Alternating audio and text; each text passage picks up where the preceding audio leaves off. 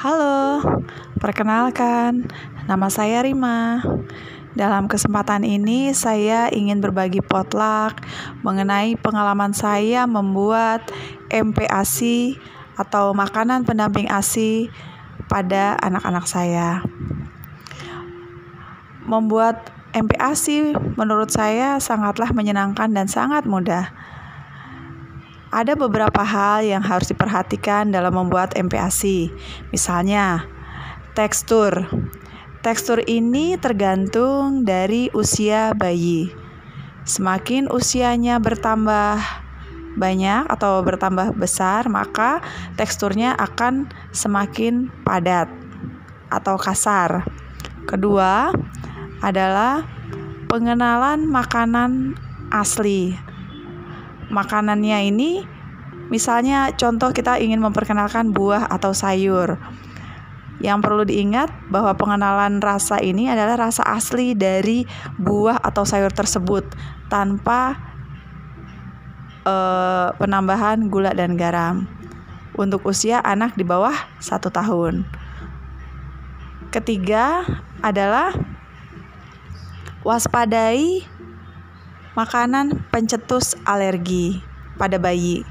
Misalnya, orang tua bayi ini alergi terhadap udang. Jadi, pada pengenalan udang kepada bayi harus bertahap. Pertama dalam komposisi yang sedikit, kita lihat apakah timbul alergi. Jika timbul alergi, maka kita stop. Kita perkenalkan beberapa bulan atau beberapa minggu setelahnya, misalnya uh, diberi jeda dua minggu. Kemudian berikan lagi. Atau mungkin untuk alergi yang lebih parah bisa menghubungi dokter. Itu. Lalu bagaimana dengan uh, alat pembuat MPASI-nya apa aja yang dibutuhkan? Pertama jika memang memiliki blender atau mungkin food processor bisa digunakan. Tapi saya pribadi lebih suka membuat MPASI anak saya dengan menggunakan saringan kawat.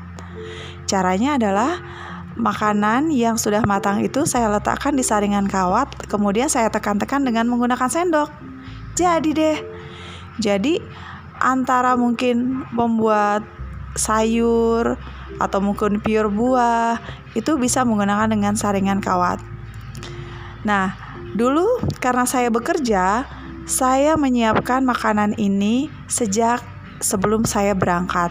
Yaitu sejak pagi saya sudah menyiapkan uh, misalnya nasi lembeknya tanpa tambahan apa pun, kemudian kukus sayurannya, kemudian kukus lauknya. Misalnya kukus lauk uh, lauknya itu berupa ikan.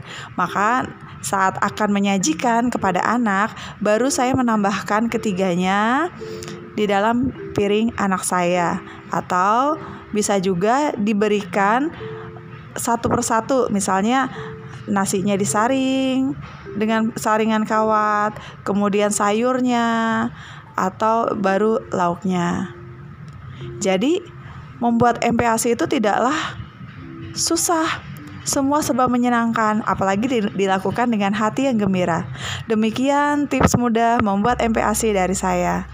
Wassalamualaikum warahmatullahi wabarakatuh. Terima kasih.